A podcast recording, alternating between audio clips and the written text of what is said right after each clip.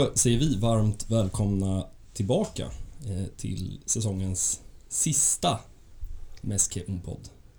Ja, avsnitt 58 Mm. eh, räknade vi fram här. Mm. Eh, och ja, det här blir väl någon form av definitiv säsongsstängning. Även om vi så fint summerade den från augusti till maj Ja. i förra avsnittet. Mina kondolenser till alla som tog sig igenom de två ruggiga timmarna av eh, sorg och glädje.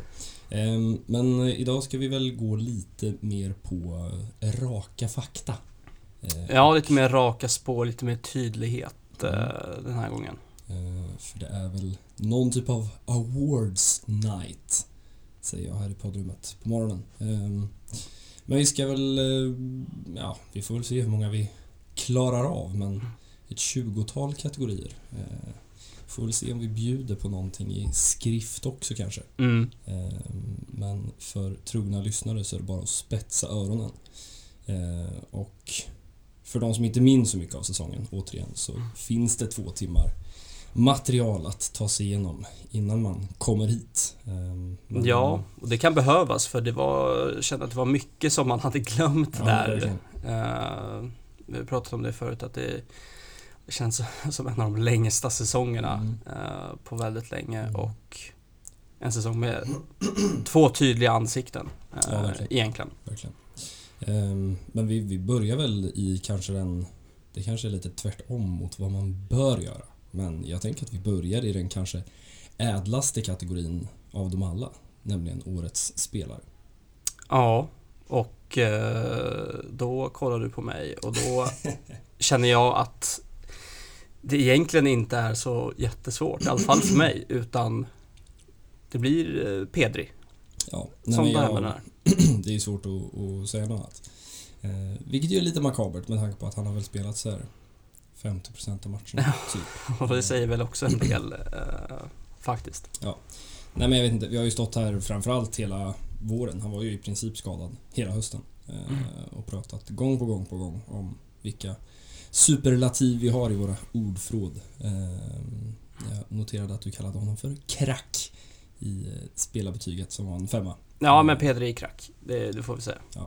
Eh, och ska man liksom plocka ut några utmanare så, så bollar väl jag i första hand Ronald Araujo. Ja, det säger jag inte nej till. Eh, och vad har vi mer? Visst kan väl... Det Ja, det är tunt alltså. Man- ja Alltså visst, du har ju liksom Busquets, Alba, Gavi som liksom har stått för habila säsonger, även Piqué. ja. Men eh, Räknar vi bara våren så är Osman Dembélé Ja, kanske, verkligen. kanske vårens MVP. verkligen. Eh, det men... kan vi nästan ha en egen kategori till. Ja, exakt. kan han få, stackars. Vårens. MVP Osman Dembélé.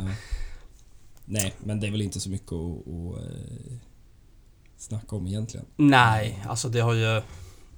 Som du säger, superlativen räcker inte till när han väl spelar och det säger också någonting att när han inte har spelat Mm. så har det sett så otroligt knackigt ut. Ja, men vi drog väl lite den korrelationen senast. eh, Att eh, ja, höstsäsongen var vad den var.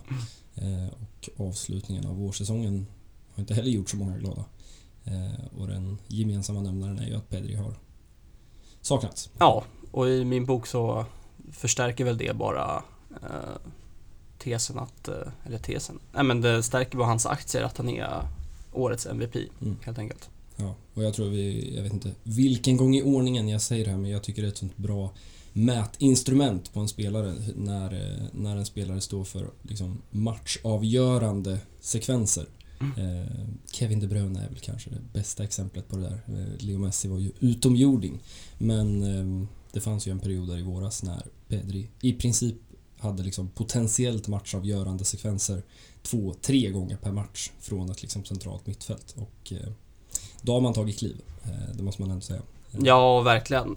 Och för mig sticker väl, eh, jag vet inte, visst han avgjorde mot Sevilla men eh, någon form av uppvisning var väl ändå den där hemmamatchen mot Athletic Club. Mm. Eh, han, gjorde, han, han gjorde ju vad, vad han ville i princip. Ja. Eh, det var årets dragning är väl ganska solklar. Ja, det får det bli. Eh, Den där tunneln bakom ryggen på stackars eh, Ja, Balenciaga. vi skickar alla kondolenser till honom också. Eh, Han, har- han har ju hur mycket som helst att plocka ut från den där matchen. Om det är någon liksom highlights reel man ska se Mm. så kanske det är Pedri mot eh, Athletic Club man Mm. ska söka på. Ja, nej, vi hoppas bara att han håller sig skadefri. Eh, Man har ju en viss Bojan Kirkic i eh, långt där bak i bakhuvudet som, som väl inte var på, på Pedris nivå men samtidigt hängde han ju 10 baljer som 17-åring. Mm. Eh, Sen händer det inte så mycket mer. Eh, Det är väl lite en gemensam nämnare, vill jag väl återkomma lite till Ansu Fati. Eh, Även Araujo har ju haft sina skadeproblem. Jag noterade återigen att han hade någon skavank efter en sydamerikansk eh, match där nere med Uruguay. Ja, Känns mer som regel än undantag. Tyvärr. Ehm, Men vi, vi kliver vidare och det blir lite kul att ha då kategorin Årets unga spelare när det är en liksom 19-åring som har knipt den där eh, platsen. Men jag tänkte ändå att man kunde breda någon eller några minuter åt eh, Gavi. Jag vet inte om du har ett motbud. Nej, det, det är svårt. Eh, Få göra debut som 16-åring. Fyller 17 mitt under Ja, säsongen är och känns väl som en av de mest här, självklara spelarna Mm. eh, den här säsongen. Eh, Och återigen, bara 17 år. Ja, nej, det är helt, helt... eh, Ja, det är vanvettigt. Och Jag tror vi pratade lite om det förra avsnittet också, att det är ju inte så att det är en spelare som, om vi pratar kanske Nico, vi ska väl återkomma till årets genombrott sen. Mm. Det blir kanske Gavi som kniper den också. Men, men jämfört med Nico då som, som hade en hel säsong bakom sig i seniorfotboll. Eh, alltså Gavi har ju spelat ungdomsfotboll. Han har Mm. aldrig spelat seniormatcher. Eh, gjort liksom fyra, fem insatser för Barça B under den gångna våren liksom. Eh, och sen kliver man in i den absoluta toppfotbollen som man ändå har gjort eh, och presterar på ett sätt som Ja, nej det är ruggigt imponerande. Jag gjorde sitt första landslagsmål också för Spanien här i, i dagarna. Ja, jag tänkte säga det. Det här har ju också... Det här har ju inte varit, inte bara varit i Barca-tröjan, utan han har ju fått chansen eh, av Luis Enrique och verkligen levererat på, på i landslagströjan också. Mm. Eh, och blev väl, eh, som du säger, Spaniens yngsta målskytt. Han knep platsen före, före Ansu Fati alltså. Ja. Spaniens yngsta målskytt i, ja, i landslagssammanhang. Ja, nej, det, det är ruggigt imponerande. Ehm, och man känner, vill jag väl återkomma till Frenkie de Jong också. Ehm, men eh, Pedri och Gavi eh, känns ju som ett mittfält för liksom, framtida 12-14 år eller något i den stilen. Ja, verkligen. Och ja, nej, men det är ju häftigt att på något sätt uppleva hur, eh, hur det bara kan slå så rätt liksom från Mm. ingenstans. Eh, Vi har ju sett eh, B-spelare liksom slussas upp och sen händer inte så mycket mer. Mm. Men att eh, Gavi gör det och liksom sätter sin prägel direkt och får den statusen han, han har nu. Eh, Och med all rätt, nej, det är ruggigt imponerande. Verkligen. Ehm, och vi ska väl kliva upp till den tredje av de kanske mm, liksom riktigt ädla kategorierna eh, och kliva ner just i Barça B. Och för den som har följt den här podden under året eh, så är det väl inte någon större tvekan om vilken spelare som kommer ta hem årets Barça B-spelare. Är det en viss eh, Ferran Ja men det måste ändå vara det. Ehm, som han har hängt baljor. Eh, och vill jag väl återkomma till interim Sergi också. Men eh, han hade inte haft sitt jobb kvar om det inte vore för Ferran Kutla, så mycket vågar jag påstå. Nej, vi, eh, vi har ju också suttit här i dagarna och kritat ner eh, spelarbetyg och då hade vi, valde vi att inte ha med eh, Schuttigla i den listan. Eh, eftersom han är en Barca B-spelare. Mm.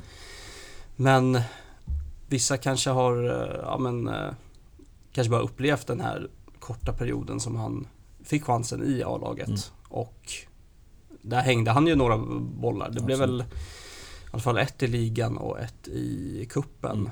Mm. Men så kanske man inte har tänkt så mycket mer på honom. Eh, Men då har han ju varit i, i Barça B och, och blev väl över 20 baljor i alla Mm. fall den här säsongen. Mm. Eh, och det är ju ruggigt imponerande. Ja, verkligen. Och är ju också enligt Romano klar för en flytt nu till belgiska klubb Brygge. Mm, Vilket ju känns lite deppigt, men också förståeligt. Ja, för det här är ju en, eh, vad är han, 21, 22? Han är ju 22, jag tror till och med han fyller 23. Eh, Så det är ju ingen Gavi det här. Eh, Nej, det känns väl som en veteran i liksom Lite så. Eh, Barça B-mått mätt. Och som väl också var... Det är väl lite den där klassikern, de spelarna som egentligen är... Alltså han är ju alldeles för bra för att harva i, i tredje divisionen och hade ju Mm. a- bättre anbud eh, när han lämnade. Eh, var ju kapten i Espanyols B-lag. Inte helt okontroversiellt eh, byte. Eh, tror även att han har gjort något framträdande för, för A-truppen där. Ehm, men som, som man ju redan från början visste att han är ju inte här för att, för att liksom spela i Barça B och stärka sina aktier utan Nej. målet var ju en, en plats i A-truppen. Eh, vilket det kunde ha blivit men eh, nej, det, det är klart. Det är svårt att tacka nej. Nu tror jag det blir en 6-7 miljoner euro plus 10% på en framtida övergångssumma. Eh, och det är klart, för en spelare som ändå har spelat tredje divisionsfotboll. Eh, klubben behöver pengarna. Eh, det finns liksom en, en Aubameyang. Det kommer förmodligen finnas en Lewandowski. Eh, så ja, det är väl bara att önska all lycka och hoppas att liksom den belgiska ligan känns lite som ett svart hål ur ett svenskt perspektiv. ja, där blir man ju faktiskt så orolig över Eh, det klubbvalet. Men ja, nej jag vet inte. Nu... Jag måste faktiskt erkänna en kunskapslucka och säga att jag inte vet vem som, om det var de som knep ligan. Eh, för det är ju något så här, det är ett annat lag som har stuckit upp i Belgien i år. Eh, Ja, som, som väl, jag vet inte vad man ska jämföra med, men det är väl liksom som att GIF Sundsvall skulle liksom vinna Mm. Allsvenskan typ. Men de vann ju inte till slut och jag vet inte om det var Klubb Brygge som gick om. mm. Ehm, Alex Collado var ju aktuell för Klubb Brygge förra året, men det blev ju aldrig något av det. Ehm, nej men en ruggig, ruggigt stark eh, säsong. Det är väl det... jag brukar ju prata om just Collado som den kanske absolut vassaste man har sett. Gerard Deulofeu är väl också uppe där, men... ehm, nej, och vi ska väl kanske lyfta, på tal om en annan spelare som också har varit uppe lite i A-truppen och vänt, är ju Abde. just det. Eh, som väl kanske haft en lite mer ojämn säsong. Men har ju betydligt högre toppar än Ferran Schutla. Och det pratas väl också om att det faktiskt kan komma en chans på den där högerytterpositionen. Eh, jag vet inte vad vi säger om Angel Di Maria eller Rafinha. eh, som det väl pratas om. Eh, men han lär väl få göra en försäsong. Eh, I övrigt har det ju varit, jag vet inte om man bara ska säga något om liksom säsongen i stort. Eh, vi lär väl återkomma när vi pratar lite interim Sergi men eh, nej, det har ju varit en mellanmjölksäsong. Eh, och det som är lite oroväckande är ju att det finns inte så många spelare längre som, som man känner har potential att kliva upp i en A-trupp. Eh, Nej. Liksom för ett eller två år sedan så, så fanns det i princip en spelare på varje position. Sen blir vissa liksom Oscar Mingueza, men de skulle fortfarande kunna kliva upp och fylla en roll. Eh, nu, ja, mer osäkert. Eh, och det blev väl en mittenplacering till slut. Inte, inte tråkigare och inte roligare än så. Eh, Nej, och med tanke på att de länge såg faktiskt ut att liksom trilla ur ja, nej, eh, den där eh, oförklarliga spanska tredje divisionen Ja, eh, med någon form av gruppindelning Ja. eh, så får man väl ändå, ja, som du säger, det blir ju väldigt mycket mellanmjölk Ja. men också kul att det är en nia, det känns inte som att det har varit så många rena nior Nej, det eh, som, som levererat. eh, Utan det är oftast någon eh, ytter, någon offensiv mittfältare. Mm. Eh, X, eh, ja till exempel Collado. Mm. Nej, man hade ju stora förhoppningar på Abel Ruiz. Just det. Eh, som ju på tal om landslag också fick göra någon konstig landslagsdebut. Ja men han har väl Mm. någon form av så här habil karriär i... Braga. är det Braga han är Nej men han hänger några, jag tycker alltid det känns som att han hänger massa mål i Europa League och sen kollar man så har han gjort två liksom. men eh, ja, nej, han kämpar på. Eh, men vi kliver vidare eh, och ska väl jag tror att vi ändå ska gå positionsvis. Årets Mm. målvakt kan vi nästan hoppa för man blir så jävla deppig så man orkar inte ens med det. Nej, Eh, det, jag vet inte vem som skulle få den utmärkelsen. Nej, det är väl liksom Iñaki Peña för hans Ja. två insatser i Galatasaray. Ja, eh, precis. Nej, men eh, det har väl yttrats ganska hårda ord mot Marc-André Ter Stegen i spelarbetygen. Så vi kan väl helt enkelt hänvisa dit tror jag. Ehm, och ja, Det blir lite kaka på kaka det här men årets försvarare antar jag blir Ronald Araujo då. Ja, det är väl ingen snack om saken eh, egentligen. Eh, visst eh, kan man ju se det på lite olika vis. En, Mm. eh, Jordi Alba har ju gjort det väldigt, väldigt bra tycker jag i alla fall. Eh, Ja, verkligen. nu med liksom, säsongen i hamn. Piqué har varit den där säkerheten i eh, det där mittlåset. Ja, om man skulle ha någon slags här MVP. Då tror jag ändå att det är Piqué. Ja, Ehm, och det är väl så mycket annat. Det säger del om en del. eh, att man fortfarande är så beroende av honom. mm, Ehm, för det känns verkligen så. Framförallt när det, när det hettar till lite. Eh, att det är lite som vi har pratat om så många gånger den här säsongen. Det är lite ett lag som saknar ledarfigurerna fortfarande. Eh, och då, då behövs han där. eh, Den gode Gerard. Ja, det behövs ju den där ledaren eh, som håller den andra mittbacken i handen eh, lite grann. Men när vi kollar på liksom kanske en ren individuell säsong, hur bra Araujo har varit, så är det väl ändå han som kniper den här prestigefyllda utmärkelsen. Ja, men det får man väl ändå säga. Man, har väl, man kan väl nästan använda ordet dominant i Mm. vissa matcher. Eh, han är ju också en spelare som sticker ut. Han märks ju. Eh, kanske till skillnad från en Erik Garcia eh, som inte har varit i närheten av Araujo. Men om man jämför spelstilar så Mm. stångar ju Araujo in hörnmål och eh, glider ner anfallare på löpande band. Eh, Mm. Och det gillar man ju. Eh, så herregud, välförtjänt. Också en spelare som, eh, jag vet inte, det är väl något så här mini-genombrott den här säsongen. Ja. Eh, där han har verkligen tagit kanske två, tre liksom kliv upp Mm. eh, när det gäller liksom sin egen prestation och, och status.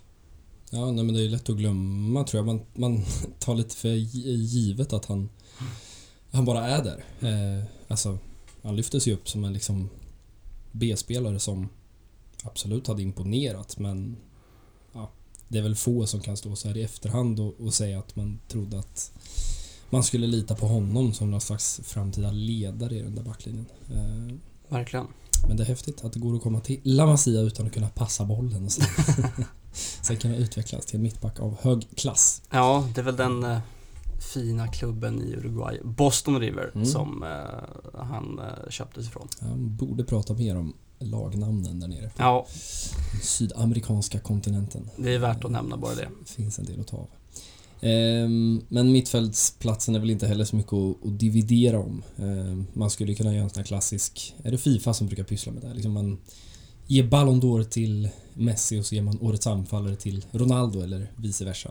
Ja, det har ju också varit så det snacket eh, här på hemmaplan när det kommer till eh, Guldbollen Ja, och sådär. det. Då är det väl typ eh, eh, Victor Nilsson Lindelöf som får Guldbollen men typ Andreas Granqvist blir årets Mm. försvarare eller om vi liksom vänder det. på det. Eh, och det är ju ett jäkla liksom eh, påhitt att hålla på på det där sättet. Mm, pysslar vi inte med i Meske Unpod. Nej. Vi vill ta starkt avstånd från, vilka är det? Fotbollskanalen som, Vad är det? Det är ju en sån här liten jury. Ja, det är väl liksom Janne vill väl inte vara med längre va? Eftersom det blir sånt jävla jidder. Ja, han, han var ju med eh, länge kanske inte man kan säga, men under hans tid som förbundskapten har han, har han väl suttit där. Ja, det var väl efter att Granen vann eh, och och det blev, Changa Forsberg var ute och vevade i sociala medier. just det. Eh, nej, han håller sig, håller sig borta.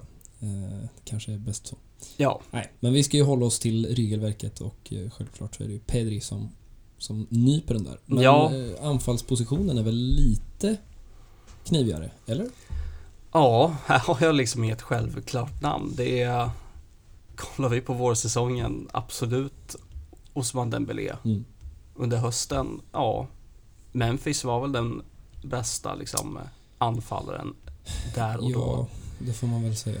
Alltså man skulle väl kunna jämställa lite ändå Memphis höst med Pierre-Emerick Aubameyangs vår. Ja, det också Ehm, faktiskt. Och, men sen är det klart, Osman Dembélé har ju varit ja, han gör en ju fortfarande så oerhört frustrerad. Ja, Men eh, det är klart, han har ju hållit en nivå som har varit väldigt hög. Eh, sen har han väl gjort typ två mål den här säsongen då.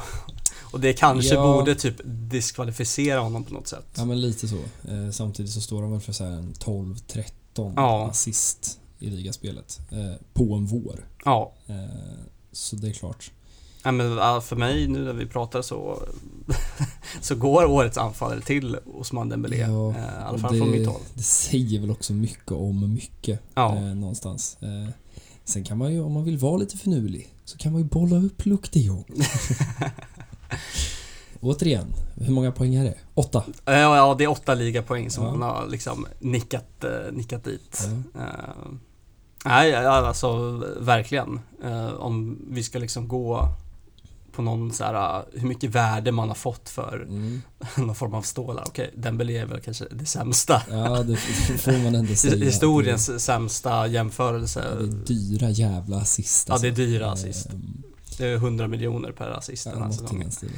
den. Eh, nej men absolut. Eh, men samtidigt den våren Dembélé har haft. Ja, vi har ju också nej, pratat om honom som kanske den mest så här, den elektriska spelaren eh, där framme. Mm. Och ja, man får väl sopa den där hösten under mattan med tanke på hur, hur, det blev med Koman och, och allting. Ja. Så nej, Osman, även om det svider att han ser ut att lämna nu. Eh, Ja, men lite så. Eh, Sen, ja, ja, ja det är, återstår att se tror jag fortfarande. Eh, Nu får väl Chelsea loss sina pengar till slut, så det är väl i och för sig en destination man kan se honom i. Mm. Annars har jag svårt att se vem som faktiskt är smart eller dum nog att öppna den där plånboken. Ehm, nej men jag, jag, jag vet faktiskt inte riktigt var. Um, alltså, hade Mbappé lämnat så, så hade väl PSG varit ett väldigt solklart alternativ även om det hade blivit Verkligen. konstigt att plocka in honom på en...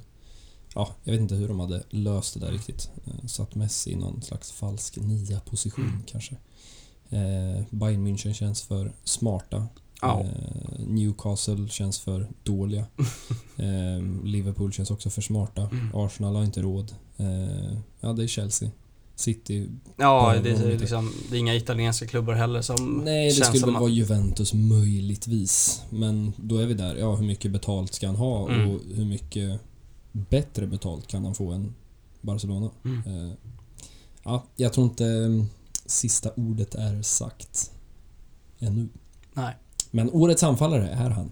Ja, Fan, det trodde man inte i så- sådär november. Nej, men vi kan prata lite mer Luc de Jong, eller? Ja, Årets bästa värvning. ja. Jo, men det skriver jag under på. Eh, det, där var det ju inte heller någon som trodde att det skulle bli någon form av succé. Eh, men vi får väl ge, ge Koman den cred han ska ha i det här fallet. Mm. Eh, för att plocka in en åh, jag vet inte, avdankad i hårt. Det är inte heller osant. Nej, det är inte Eh. heller osant för han, han var ju sannerligen inte på toppen i Sevilla Nej, på det något måste sätt. man verkligen säga.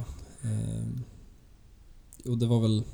Ja, det blir ju också lite symboliskt den där liksom deadline day-dagen sent i augusti när man... Ja, det kändes lite som att eh, de stålarna som kunde komma in, de, de skulle jobbas in. Mm. Eh, Emerson rök till Tottenham, Elias Moriba till Leipzig, Griezmann till Atletico Madrid och man svarar med att plocka in Luc de Jong, vilket ju innebär att där och då har Barcelona en nya uppsättning bestående av Memphis Depay, Luc de Jong, Sergio Agüero och Martin Braithwaite. Eh, Ja, det är helt otroligt när man bollar upp det där. eh, på det sättet faktiskt. Och det finns ingen Ferran Torres där. Nej. Eh, Så vid det här laget så...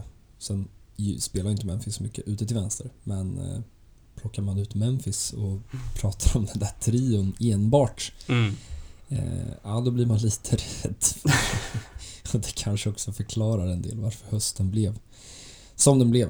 Eh, Jag vet inte vad man kan bolla upp för andra kandidater. Ferran Torres känns väl eh, som en man snarare för framtiden, eh, om han nu ska kunna höja sig. Ja, och har väl gjort ja, inte mer än okej får vi ändå Nej. säga. Eh, med, och med tanke på den prislappen så Mm.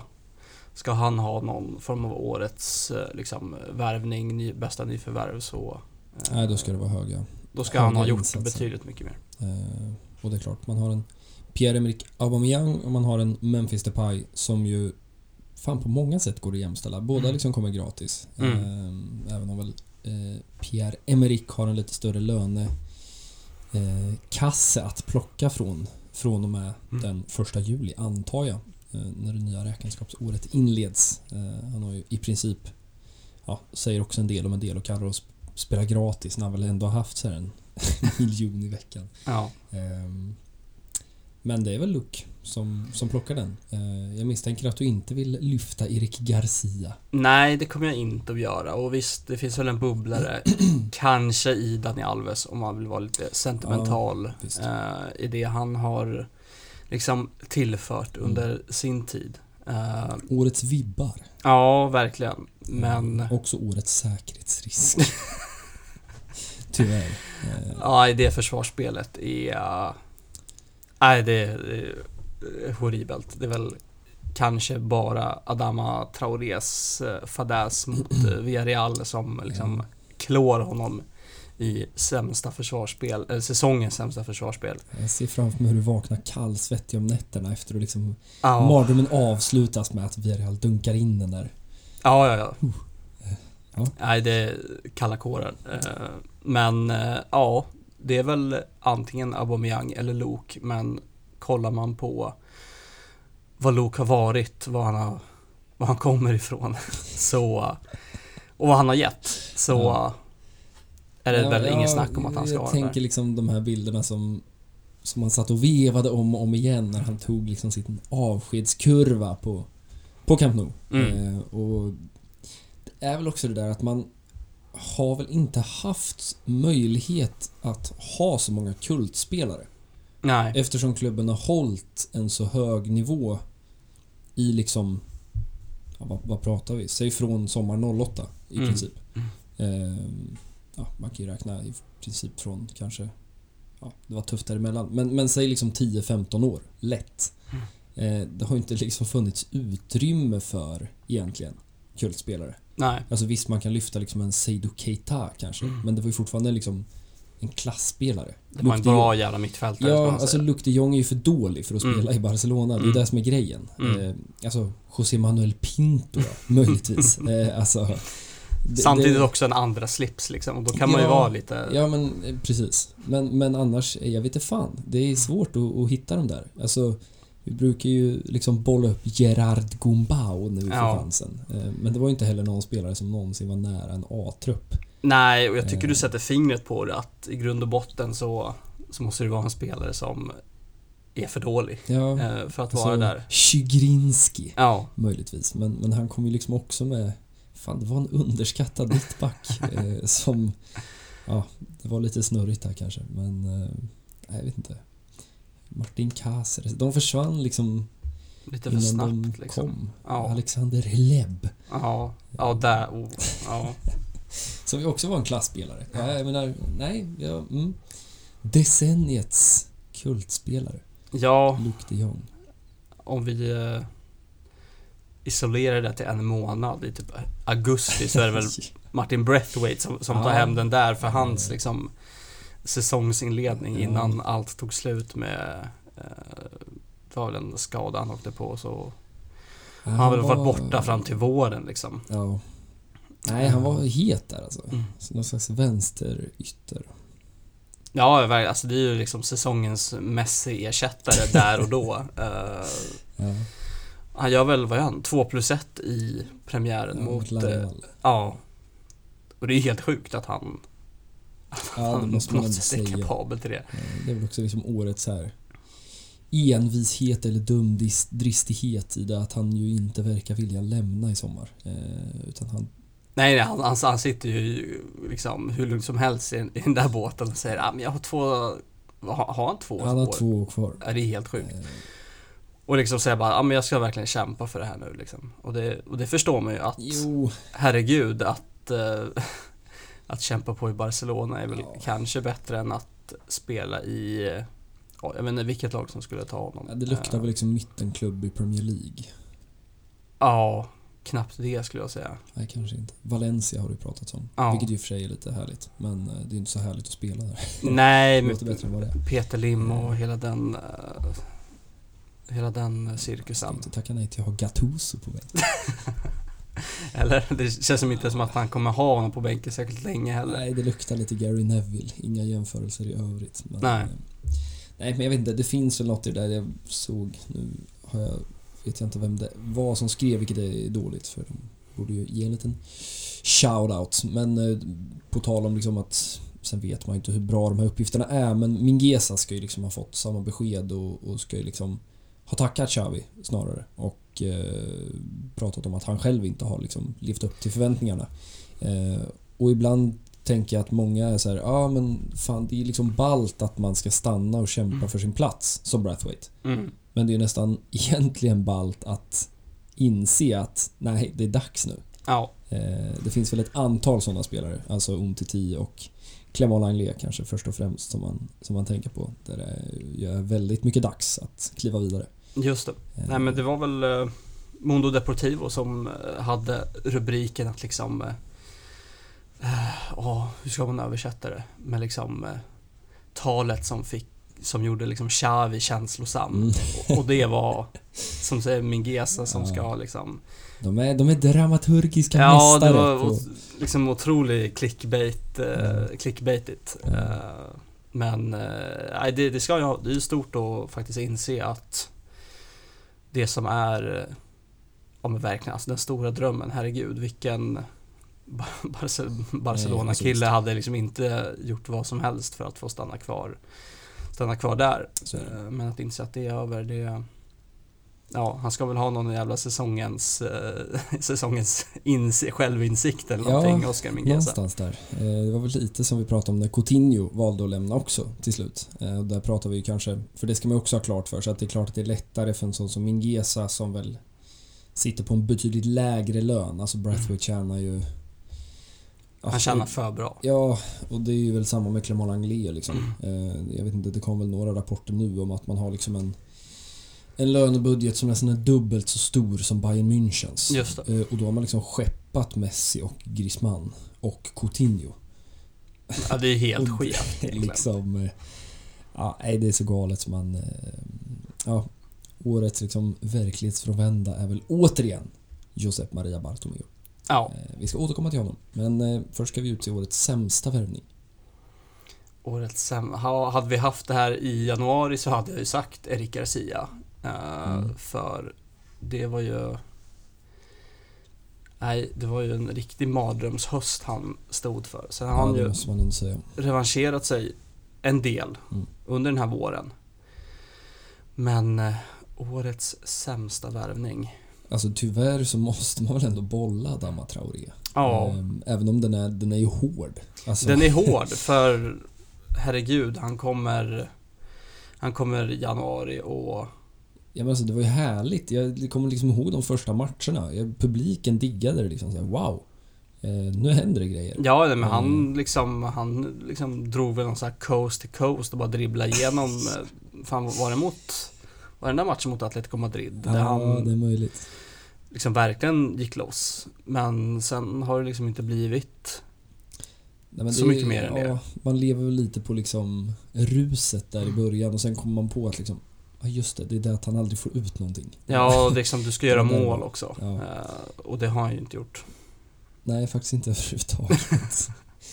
ah, nej, jag vet inte. Den är ju hård. Eh, och den har ju inte heller liksom kostat eh, egentligen. Nej, Eh, men... Eh, sen är det inte mycket som har kostat nej. värvningsmässigt. Eh, Så är det ju också.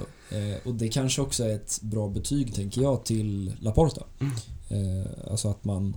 För man letar och letar och letar, men det är ju svårt. Alltså det spenderades ju inga pengar i somras. Mm. Man la ut de där pengarna på, på Emerson. Och de fick man ju tillbaka med, Mm. med ränta. Får man ändå säga. Ja. Eh, och det är väl liksom... Visst, ska man prata i någon slags impact så kanske en Ferran Torres med sina liksom 55 miljoner euro där hade man väl förväntat sig mer. Mm. Ehm, Ja, det beror på lite vad man har för perspektiv. Man får också ta höjd lite för framtiden. Mm. Um, Adama Traoré får den, men vi får väl lite... Ja. Ja, be om ursäkt. Önska honom all lycka. Det blir, Ja. väl, det blir väl kanske ingen Wolverhampton. Jag vet inte, de kanske säljer honom ändå. Nej, det blir spännande. De har ju en, eh, en Trincao där på lån och vad som ska Ja. hända med honom. eh, Det var ju snack om att liksom få till något rakt av byte Mm. mellan de två. Jag Men läste Sporting Club nu, på lån. just det, Eh, återvända hem till Portugal. Ja, eh, och det är väl en sån där värvning som också är svår idag att liksom förstå hur man kunde lägga liksom 32 miljoner Mm. euro på en liksom härlig liten portugis som har liksom varit schysst i ett halvår. Eh, Och som också var helt okänd liksom. För Ja. Det var ju ingen som visste Nej. vem, vem Trincao var. Nej. Eh, Ehm, Sen är det klart, alltså jag menar han... Det fanns ju, eller finns, potential där. Men Mm. ehm, ja, det var ett annat, ett annat liv, en annan man vid spakarna. Ja, Eh, ett annat transferfönster. Ja, verkligen. Eh, årets genombrott.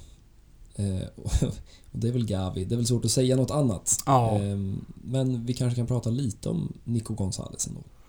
Ja, Nico Gonzales som verkligen liksom har fallit, fallit undan nu under våren. Mm. Men, Han startade en ligamatch eh, 2022 tror jag. ja, men eh, shit vad spännande det var när han kom upp. Mm. Eh, och visst, nej, han tar ju som sagt inte hem eh, den här utmärkelsen. Men under hösten så fanns det väl ändå fog för att han kunde ha gjort det.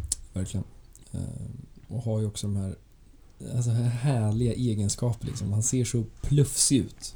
Är ju liksom lång och stor. Ja, verkligen. Det är, Eh, det är ju inte en Barcelona-mittfältare när man Nej, liksom, och samtidigt liksom stöpt i det här La Masia. Mm. Menar, han har ju en, en, liksom, en grundteknik såklart. Så en liksom, teknisk förmåga. Framförallt att eh, bryta i, jag vet inte riktigt hur man säger på, på liksom svenska. Jag tror liksom, så engelska statistiktermen är breakthroughs. mm. Eh, Ja, det är någon form av genombrott. Ja, Liksom. ta med sig bollen framåt. Ja. eh, Statistik och där är han tydligen bäst i hela Europa. Mm. Eh, På den i och för sig ganska skrala speltid då, så det är Mm. lite kanske att han tar nytta av det. Men eh, jag tycker ändå det säger någonting om hans, hans spelstil. Eh, Jag har ju länge pratat om att jag skulle vilja se honom få chansen på riktigt i den där Busquets-rollen. Mm. Eh, Där han ju spelade mycket i, i Barça B.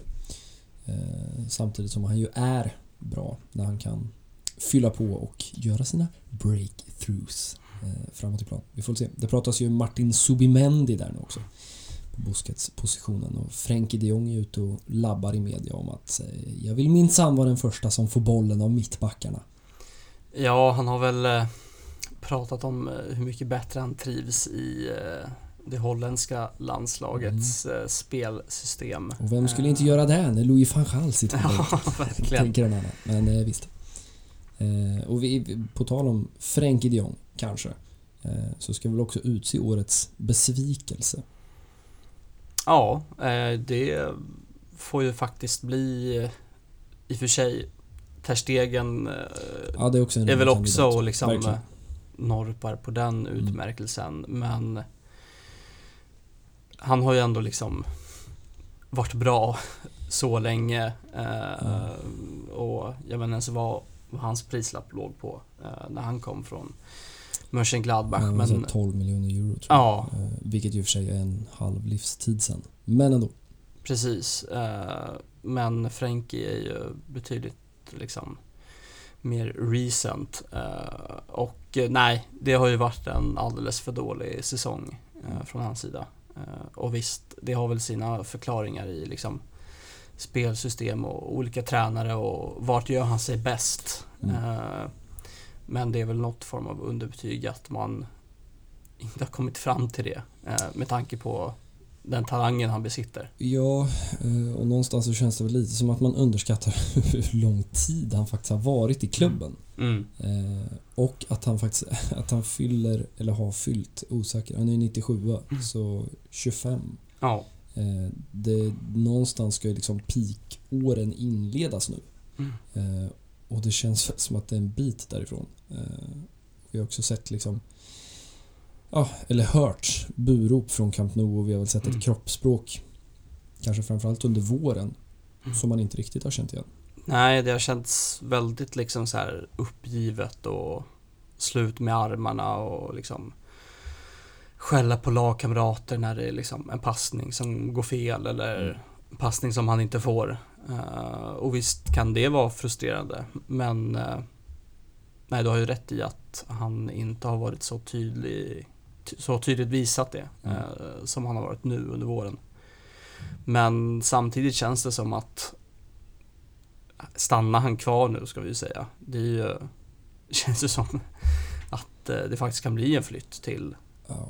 Man United. Mm. Eh, Men stannar han kvar så känns det som att hittar man rätt så kommer det ändå sitta ganska snabbt. Ja. Ehm, och det är väl den där eviga diskussionen som du säger, var ska han spela? Kan han spela på Busquets-positionen? Ehm, och någonstans har väl jag känslan av att man har inte riktigt heller testat.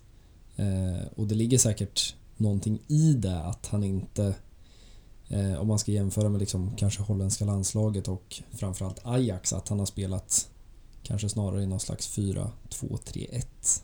Alla Roman, Ronald Koeman.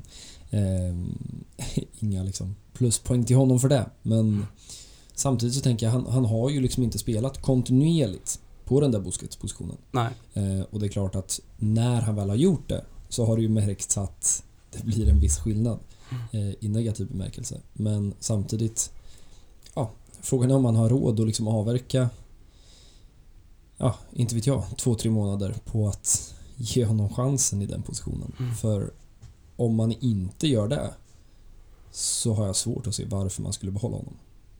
ja, nej, så, så är det ju.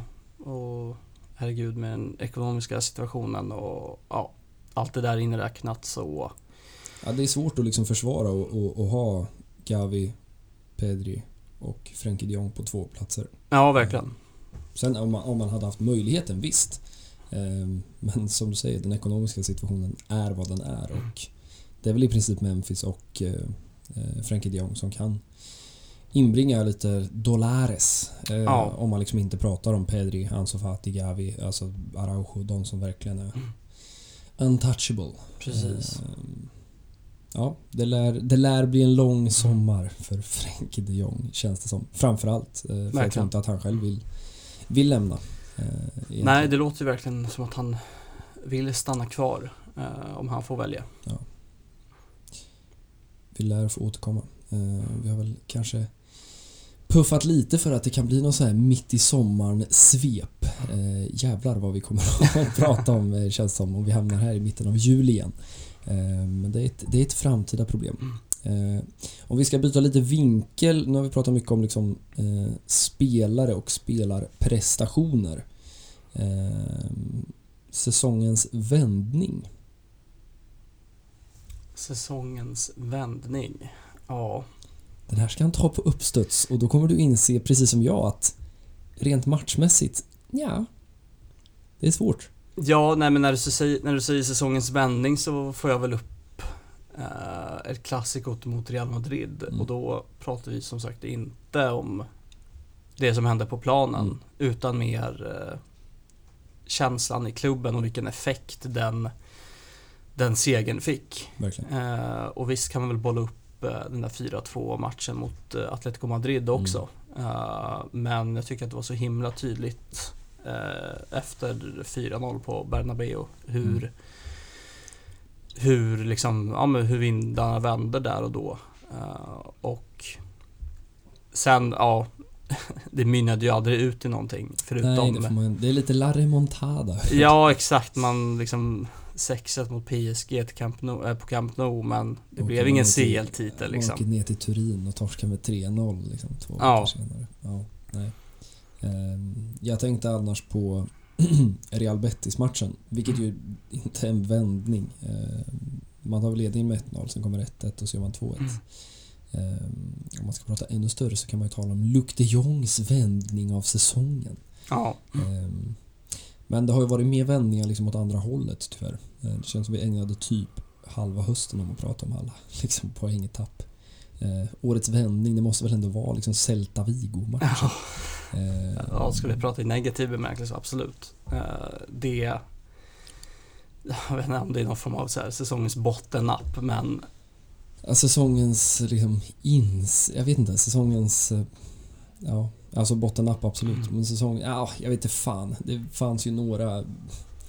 Celta är ändå Celta. Det är så här Cadiz hemma och Ja. det var ju några Granada hemma också när man spelar liksom Luc de Jong och Piqué som anfallspar från här, alldeles för tidigt också. Liksom i 74 Man Ja. kände liksom, nej. Nej Ronald, eh, nu, nu eh, får vi fundera på det här. Mm. Nej men klassikomatchen är väl en bra... Verkligen. Eh, Sen var det synd att det inte, att det inte hände så mycket mer nej. efter det. Men eh, vi får se. Vi lär väl återkomma till årets match. Jag tänker att vi Mm. smiter emellan med något lite roligare. Eller roligare, men årets mål. Årets mål. Och vi, vi pra, för de som lyssnade senast så hamnade vi liksom i det där att vi, vi bollade upp ett par alternativ. Eh, och jag vet ju vilken jag väljer. Eh, Ja men kör, kör, kör du då. Så, Eh, För, för mig är ju Pedri mot Sevilla eh, fortfarande den som inte bara för att det är, jag tycker nog faktiskt också att det är det snyggaste målet. Både rent eh, liksom, tekniskt men framförallt var det liksom Vissa mål känns liksom som att redan när de görs så vet man att det här kommer att vevas och det här kommer man att minnas. När man pratar Mm. om Pedris karriär eh, så, så tror jag att just det målet kommer vara Någonstans var det kvällen där liksom Pedri gick från att vara den där killen som slog igenom och stod för en helt makalös säsong till att liksom det här är en spelare som kommer vara en av de absolut bästa fotbollsspelarna i världen om man får hålla sig skadefri de kommande tio åren. ja, för där och då, alltså det känns som att ljuset också var riktat mot honom att så här, Verkligen. nu, nu ska vi se vad du kan hitta på liksom. Eh, och så är det han som avgör. Eh, men eh, ja, Det finns ju kandidater, ska vi säga. Ja det har ju varit många, många fina mål ändå. Vi har ju Memphis där i början, borta mot uh, Athletic Club i typ Visst är det det. Ja. andra omgången där han Mm. bara liksom drämmer till den upp i nättaket från typ 25 meter. Mm. Eh, Så har vi Albas två kanonkulor. just det. Ja, det första mot Atletico Madrid, det tänker jag inte lobba upp som årets mål. Den felträffen. ja, du står fortfarande Ja, fast vid det. men eh, liksom eh, det här mot Betis Mm. för inte så länge sedan, absolut. Eh, och sen har vi väl, eh, Gavis, Gavis mål också. Mot eh, Elche va? ja, på hemmaplan där. Eh, och sen har vi ju ändå ett fint tiki-taka-mål i Europa League där borta mot Ja. Eintracht. Verkligen. Men eh, Luc de Jong har ju några Luke de Jong har ju faktiskt Eh, väldigt många mål. Men eh, jag får liksom backa dig eh, på Pedris. Mm. För jag kommer ihåg att det var ett mål som man också verkligen så flög upp ur Mm. soffan och bara jävlar, han, Mm. han, han, fan, han gjorde det liksom. Eh, skottfinten och hur han liksom han skottfintade typ två ja, Sevilla-spelare liksom Ja, precis. var det Henok Goitom sa i studion att 99 av 100 spelare hade ju skjutit efter den första men han tar Mm. liksom en till Mm. innan han sätter den. Eh, Så ja, nej, det får bli Pedri faktiskt. Ja. Han har ju också en ut... Han gör ju liksom ett ytterligare ett sånt där liksom i samma låda mot eh, Galatasaray sen. Just det. Eh, Jag vet inte om det är någon vecka senare eller någon vecka tidigare. Jag tror det är senare? Mm. Eh, Ja, han flög där under eh, några veckor. Det, det måste man ändå säga. Verkligen. Nej, det, det är en fin säsong som man kommer kolla tillbaka på. eh, Just eh, för Pedri, inte för laget och klubben kanske. Nej. Men Eh, han är ju ja, men säsongens MVP, säsongens jäkla höjdpunkt. Ja. Ändå får man ju ändå säga. Ja. Men om vi ska prata lite mer om det där laget då. Så kan man väl ändå prata om årets match.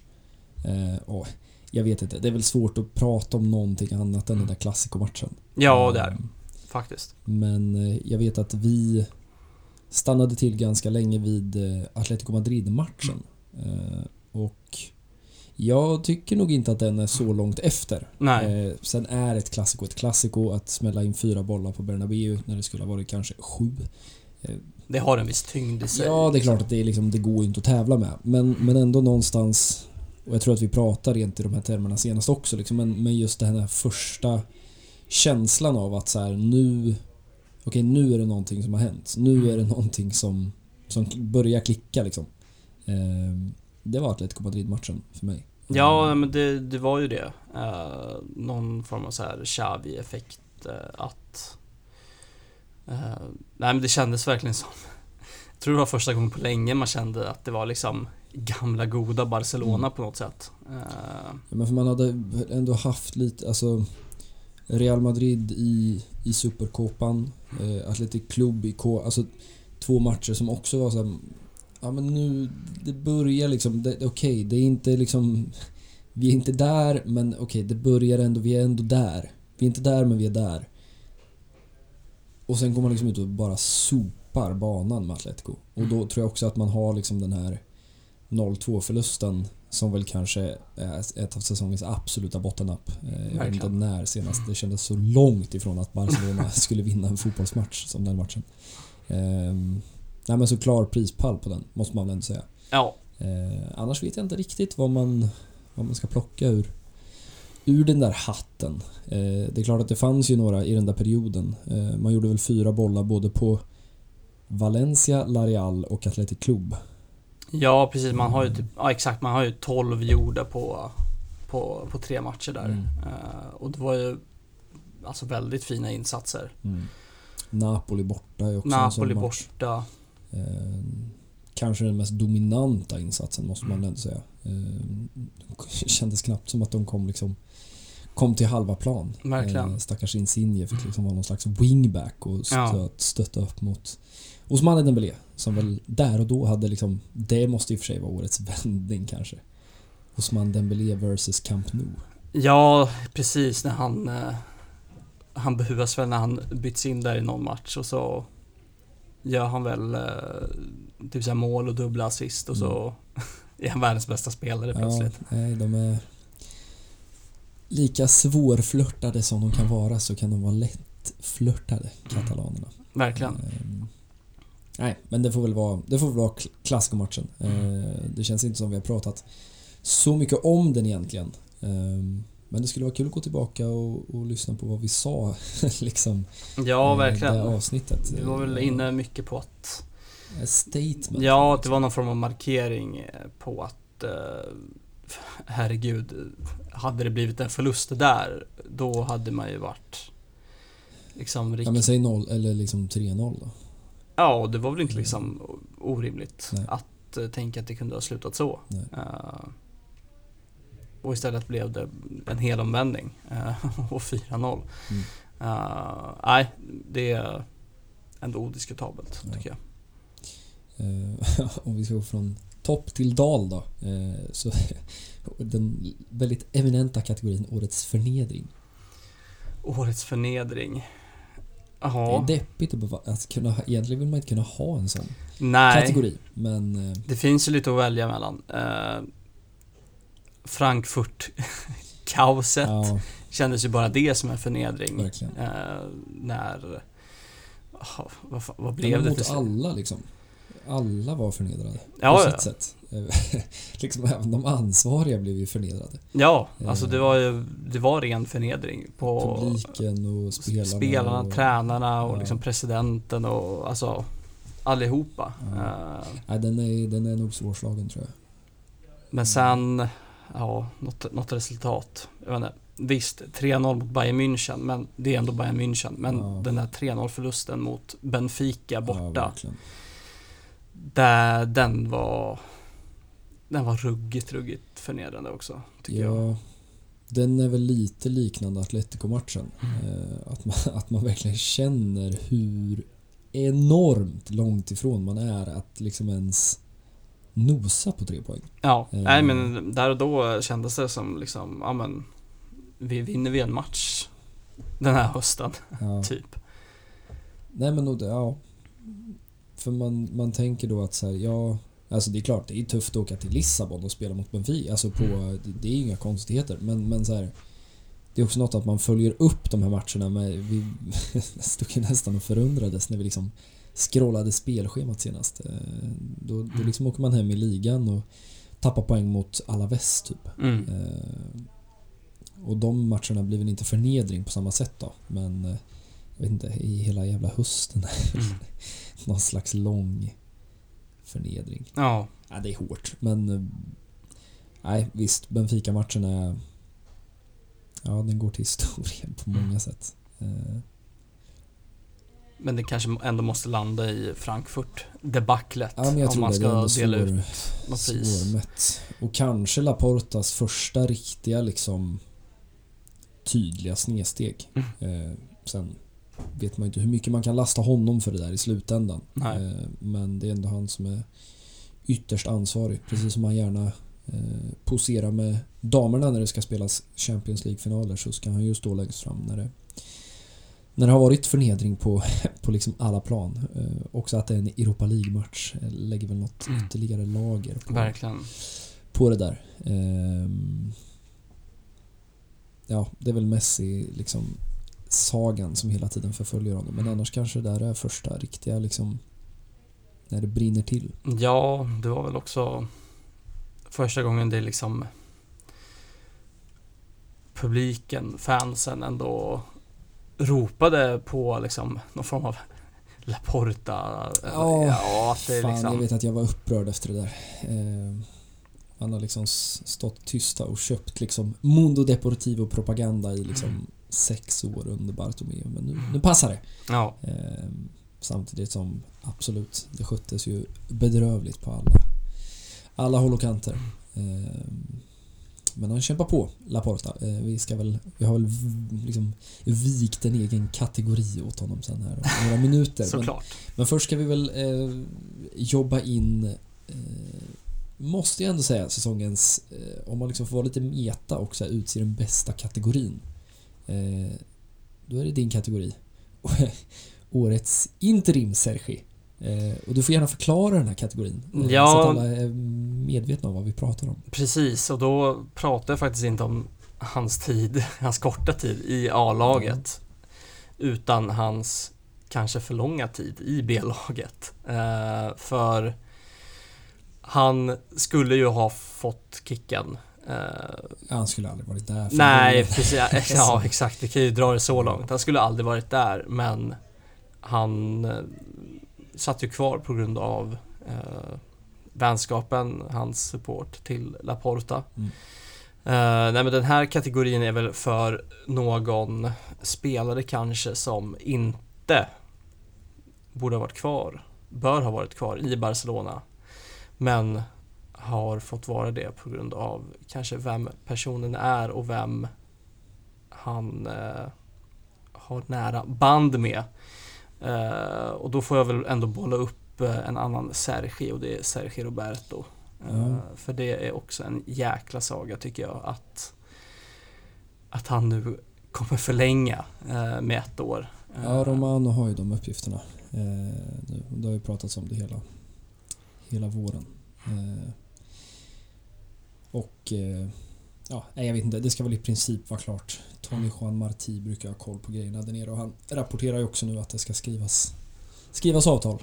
Eh, och eh, Ja, nej det är svårt att, att greppa. Sergio Roberto är dessutom en av fyra kaptener Mm. i det här Barcelona.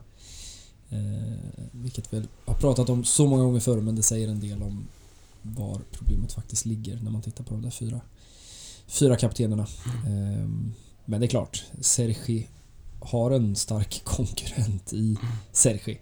Eh, annars vet jag inte. Det, det är väl ganska liksom rent annars. Ja, Eh. alltså är man sån kan man väl bolla upp Ricky, gode, Ja, verkligen. Ricky. Push. Eh, Kanske säsongens liksom någon typ av besvikelse ändå. ja, Ehm, Det får jag ändå säga. Kanske inte utifrån liksom... Ja, jag vet att jag gav honom underkänt och det var kanske hårt. Eh, men han, han har inte varit dålig när han fått, fått chansen de liksom få minuterna. Men eh, inte varit strålande heller. nej, och... mm, Ja, man hade väl liksom förväntningar länge. Eh, vi tog väl lite farväl av honom här för några avsnitt sen och pratade om det som varit och inte varit. Men, men, eller men liksom så sent som när Xavi tog över så, så tänkte man väl också att nu kommer en ny chans. Mm. Men eh, herregud, om vi pratar om liksom att sälja Frenkie de Jong ur perspektivet att Nico och eh, Gavi och Pedri finns där så kan man ju förstå själv vad situationen har blivit för den gode Ricky. Verkligen. Och nu får jag, jag bollar upp en besvikelse, årets besvikelse nummer två. Och det får bli eh, Feminis Champions League-final mot Verkligen. Lyon. Verkligen. För uh, jäklar vad alla vägar liksom eh, visade ju att eh, det skulle bli ett CL-guld igen. Men så eh, klappar man ihop totalt där i första halvleken och kommer aldrig tillbaka. Och, Mm. nej.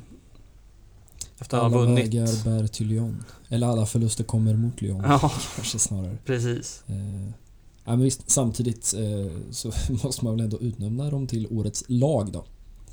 Ja, det får vi Eh, göra. I, I, i ruggigt svag konkurrens. ja, faktiskt. Ändå. Eh, Så får de vara en solklar vinnare. Men det är helt Absolut. sant. Eh, Den där finalen är ju... Ja, man är lite ovan att gå in med liksom... Eller det blir en sån diff liksom. Att gå in med höga hästar. Eh, eller på höga hästar. I en match. Verkligen. I en Champions League-final. Nej, som sagt det ska bli väldigt, väldigt, väldigt spännande att se vad som händer eh, i sommar. Eh, jäkla idé kring Like Martens nu. Eh, Ja, hon ska väl ha... kritat för PSG bakom någon form av ryggar. Jag har gjort en riktig fuling liksom. eh, Där klubben... Eller hon ska ha rest till Paris och klubben ska liksom inte ha fått reda på det och hon ska liksom inte ha svarat på samtal eller sms. Mm. Och det är väl en ganska tydlig signal om hur... eh, Ja men vad som kommer hända. Ja. Men det är väl också en, en lite knäpp signal men det känns som vi står här varje vecka och pratar om liksom, hur ska man göra, hur ska man göra, hur ska det bli bättre? Men någonstans är väl också såna här grejer ett tecken på att det går åt rätt håll? Eller? Ja, men det tycker jag. För alltså, vad är det? Man ska ju... Det sämsta man kan göra är väl någon form av så här stagnation. Att, Ja. att det inte händer någonting, varken bra eller dåligt. Eh, och eh, visst måste det ju ske förändringar. Mm. Eh, och eh, det här är väl en, en början. Vi får se vart det, vart det landar helt enkelt. Men eh, årets lag, det ska de ha. Årets PR-placering har jag kuppat in. Ja. Bara för att jag blir så jävla Spännande. trött på Sociala... Jag vet, ja, jag vet inte om du har noterat vem som dyker upp när klubbens nya tröjor ska presenteras. Eh, Kan det vara en viss långhårig för detta mittback? Ja men jag ser liksom hur de... eh, Man ser liksom fram sig, ja fan gubbar, hur ska vi göra nu då? Vi har liksom... Ja men vi får köra Ansu Fati igen. Han har inte Mm. gjort en jävla match. Ja, Pedri, han är kul liksom. Vi kör Harry Potter-grejen. Eh, ah, Ricky Push, nej han kan vi inte fronta längre. Lagkaptenerna, ja nej fan Piqué är otrogen, han ryker. Busquets är tråkig, Roberto vet vi inte om han finns liksom. Jordi Alba, nej han, nej, han platsar inte heller. Ja, fan kan någon ringa? Carles Puyol eller? ja, men det är... Ja, fan. Jag vet inte. Ja, Det känns som att han syns varje gång det är någon Ja. eh, så lansering liksom.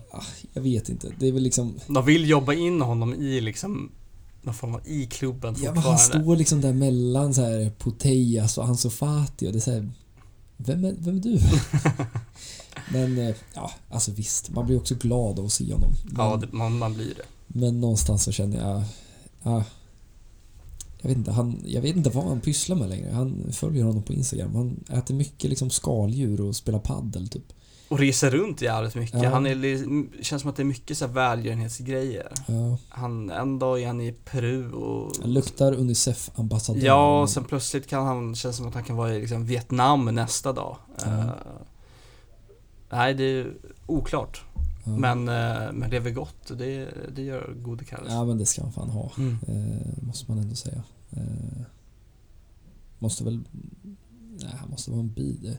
Man glömmer också hur jävla länge sedan det är han la skorna på hyllan alltså. Ja, Sommaren 14 nu.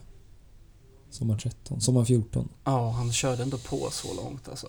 Efter tänker på CL-bucklan där 2011 men Mm. det var väl någon form av så här late prime ändå. Ja, han Eh, gjorde inte många matcher efter det där. Nej, Eh, ja. Nej, det är åtta år sedan. Ja, nej, de kämpar på sociala medieteamet. Mm. Vi, eh, man skulle kunna plocka ut några små godbitar därifrån under årets gång och, och göra Verkligen. ett litet collage. Eh, Men om vi ska fortsätta prata PR fast åt något slags liksom annat håll så ska vi väl ändå nämna några liksom, ord om eh, Joan Laporta. Som ju alltid lyckas vara där det brinner. Ja, den här politikern Laporta. Ja. Eh, ja, nej det är, jag vet inte, ett geni eller en, en galning. Vad vill man sätta för epitet eh, på honom? Opportunist eller? Nej, det finns ju mycket och den här liksom stora banderollen som han bände upp där i, i Madrid är väl någon slags eh, Ja, just det. Utanför Eh, Bernabéu ja. Det är väl någon slags, eh, om man ska bara liksom trycka ner personen, eller personen Joan Laporta till en, en händelse så är det väl den. Eh, men herregud, han har ju varit på många ställen. Eh, årets liksom jag vet inte, det första jag tänkte på var ju liksom den här presskonferensen han anordnade när den eh, ja, vad säger, alltså ju- juridiska utredningen av eh, Bartomeu eh, Barca Gate som det. kallades i media offentliggjordes och eh, Laporta var ju där och eh, kunde ju tillsammans med någon typ av eh, ekonom och jurist eh, liksom skjuta in lite förolämpningar mot Bartomeu. Ja, det var, det, sånt det var bara en enda stor så här, smutskastning egentligen. Ja, det får man ändå säga. Sen, alltså han kunde ju backa upp allting. Mm. Eh, men, ja, jag vet faktiskt, alltså det har varit väldigt, väldigt tyst. Bartomeu har ju suttit häktad. Mm. Liksom i två perioder tror jag.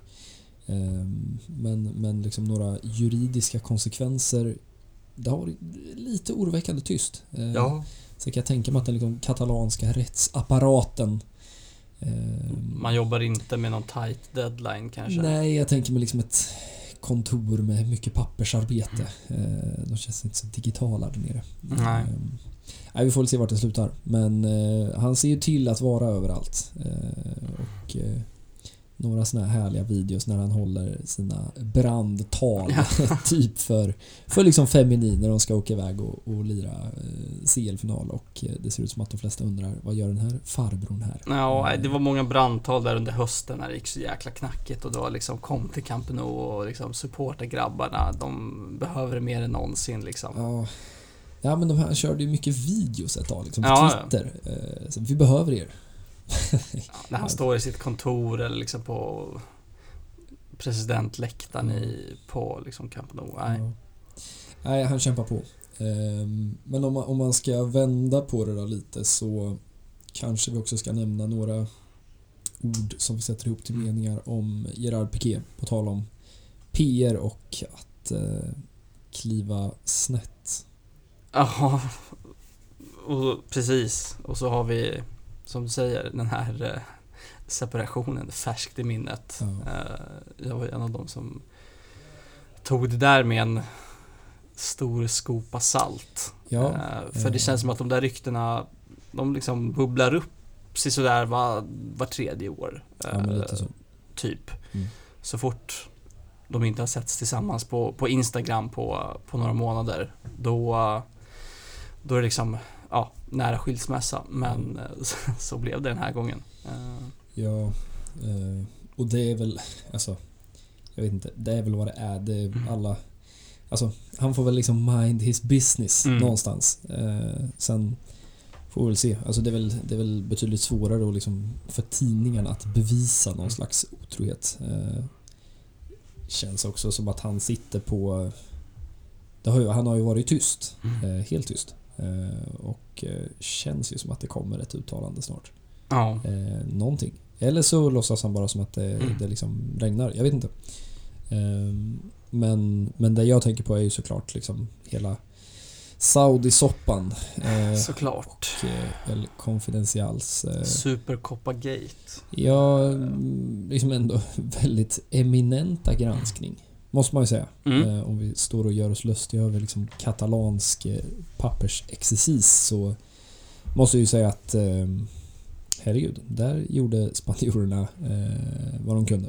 Ja, El Confidential Ja. eh, var det väl som eh, Mm. skickade ut det där och det var ju en riktig liksom long read och det var avancerad grafik Ja, och sociala medier, liksom redaktör satt och mös hela morgonen. Ja, ja, det var liksom publiceringsplaner och de liksom skickade ut de där tweetsen i, i rätt ordning och Mm. nej, det var Det är väl någon form av eh, tyngsta liksom PR-smäll ändå för Piqué. Eh, Ja, satt vi här och liksom trodde och diskuterade men samma sak där, där har, har det inte hänt så mycket. Nej, det får man väl ändå säga. Och, ja, jag vet inte vad man ska dra för slutsatser av det där riktigt. Alltså, det är väl också en annan... eh, Jag vet inte vad man ska säga. Alltså inte miljö, men... men eh, Alltså låt säga att liksom, jag tror att vi pratade om det då också. Eh, sen är det svårt när det finns liksom en katalansk kontra liksom centralmaktkontext också. Eh, men jag tror att vi pratade om att liksom Skåne skulle vara Katalonien och att liksom det skulle komma fram att liksom Granqvist Ja, sen är det svårt också då men då skulle han ha liksom fifflat med ligapresident kontra förbund. Men, men jag har svårt att se att liksom i en svensk kontext att man skulle kunna komma undan med det där. Ja, Eh, verkligen. Sen är det ju säkert precis som eh, Piqué var ute och liksom betonade att så här, det är inte brottsligt. Eh, och det kanske inte är. Men eh, ja, det finns ju mer än liksom juridik. Det finns ju något som heter etik också. Ja, man kan fråga sig Eh. hur passande det är att, eh, att hålla på eh, på det viset i den positionen som han är. Ja men det är svårt att inte liksom prata om dubbla stolar när Ja. man bokstavligen spelar i ett lag som... Ja, nej jag vet inte. Eh, nu säkrade man ju den där andra platsen Mm. till slut och... Eh, ja, Piqué är väl glad. Det Mm. trillar in några, några extra eurosedlar på det där bankkontot. Eh, jag vet att jag sagt det förut också men jag, man, jag skulle kunna ge ja, inte så många kroppsdelar, men jag skulle kunna ge ganska mycket för att få eh, sitta som fluga på väggen i omklädningsrummet en morgon efter de där uppgifterna. Mm, Eh, mm. Jag funderar på det där så många gånger. Alltså vad, vad händer liksom? Mm. Eh, Busquets och Alba kommer ner liksom och Ricky och Piqué kommer liksom dyngbakis efter att ha varit ute på någon eh, festbåt på liksom Playa Barceloneta och, Mm. eh, vad, säger, vad säger de liksom? Så det, det, eller låtsas de som, som ingenting? Ja, Eh, jag menar det är ändå, alltså Piqué har ju ändå någonstans blåst sina egna lagkamrater, Mm. måste man ju säga. Eh, eller blåst är väl att ta i, men, men liksom han förhandlar ju över deras huvuden om Mm. dem någonstans. ja, Eh, nej, jag vet inte. Han eh, kämpar ju på.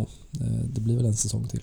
Eh, kanske två. det till med. verkar som det. Eh, vi får väl leva med både Piqué, Laporta och tyvärr kanske inte Luc de Jong eftersom han ser väl ut att återvända kanske Mm. till och med hem till Holland. Mm. Eh, lär väl tjonga in och sen 32 ligamål för PSV känns det som eh, i fina Eredivisie.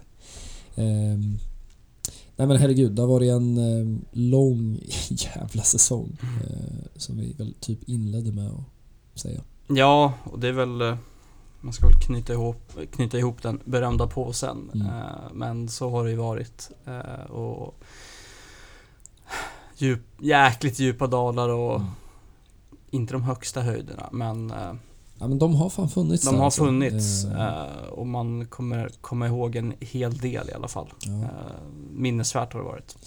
ja, och det är klart, ska man liksom prata om Piqué och, och Laporta och resultat ur en negativ kontext så eh, herregud.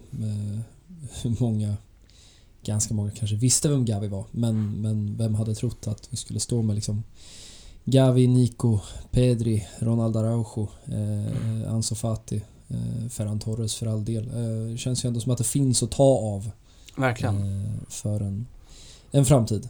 Eh, och eh, ja, det blir spännande. Man får nog spänna fast i sommar eh, för att Laporta ska trolla fram några nya spelare. Eh, kan väl börja med att registrera Kessie och Christensen och sen Precis, det är väl någon form av Mm. steg ett. kan man ju ta det därifrån. Eh, misstänker att det lär bli ett och annat uttalande från både Laporta och eh, Javier Tebas att, Mm. eh, att ta hänsyn till. Eh, men vi kämpar på eh, och vi får väl se som sagt om vi lyckas skjuta in eh, något slags eh, förvirrat avsnitt i mitten av eh, ja, kanske slutet av juli Ja, till och med. Eh, våra liksom sommarstekta hjärnor ska försöka... rodda i allt från Mondo Deportivo till eh, Marca. Ja, det kan bli någonting. Eh, Det är tur att Romano finns där och håller koll på, på grejerna. Eh, Men eh, i övrigt så, eh, ja nu, det här blir ju den definitiva avslutningen. Vi stod ju i förvirringens land senast och funderade på hur vi skulle knyta ihop den här säsongen. Eh, Och eh, det här blir ju den sista, sista delen i, i att knyta ihop den där påsen. Eh, Och eh, vi vill väl bara avsluta återigen. Nu, blev det, nu blir det lite tack på kaka på kaka tackning här. Mm. Men, men eh, rikta ett stort tack till alla som har följt, interagerat, reagerat, inte reagerat, eh, varit med under säsongen. Verkligen. Eh, och eh, vi säger väl om inte annat på återseende i eh, höst och ta i, i typ Augusti. Ja, det, det är fortfarande sommar.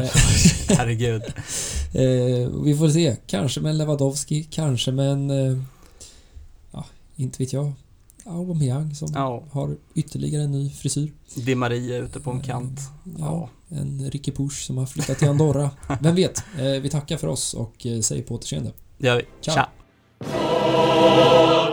Come Amen.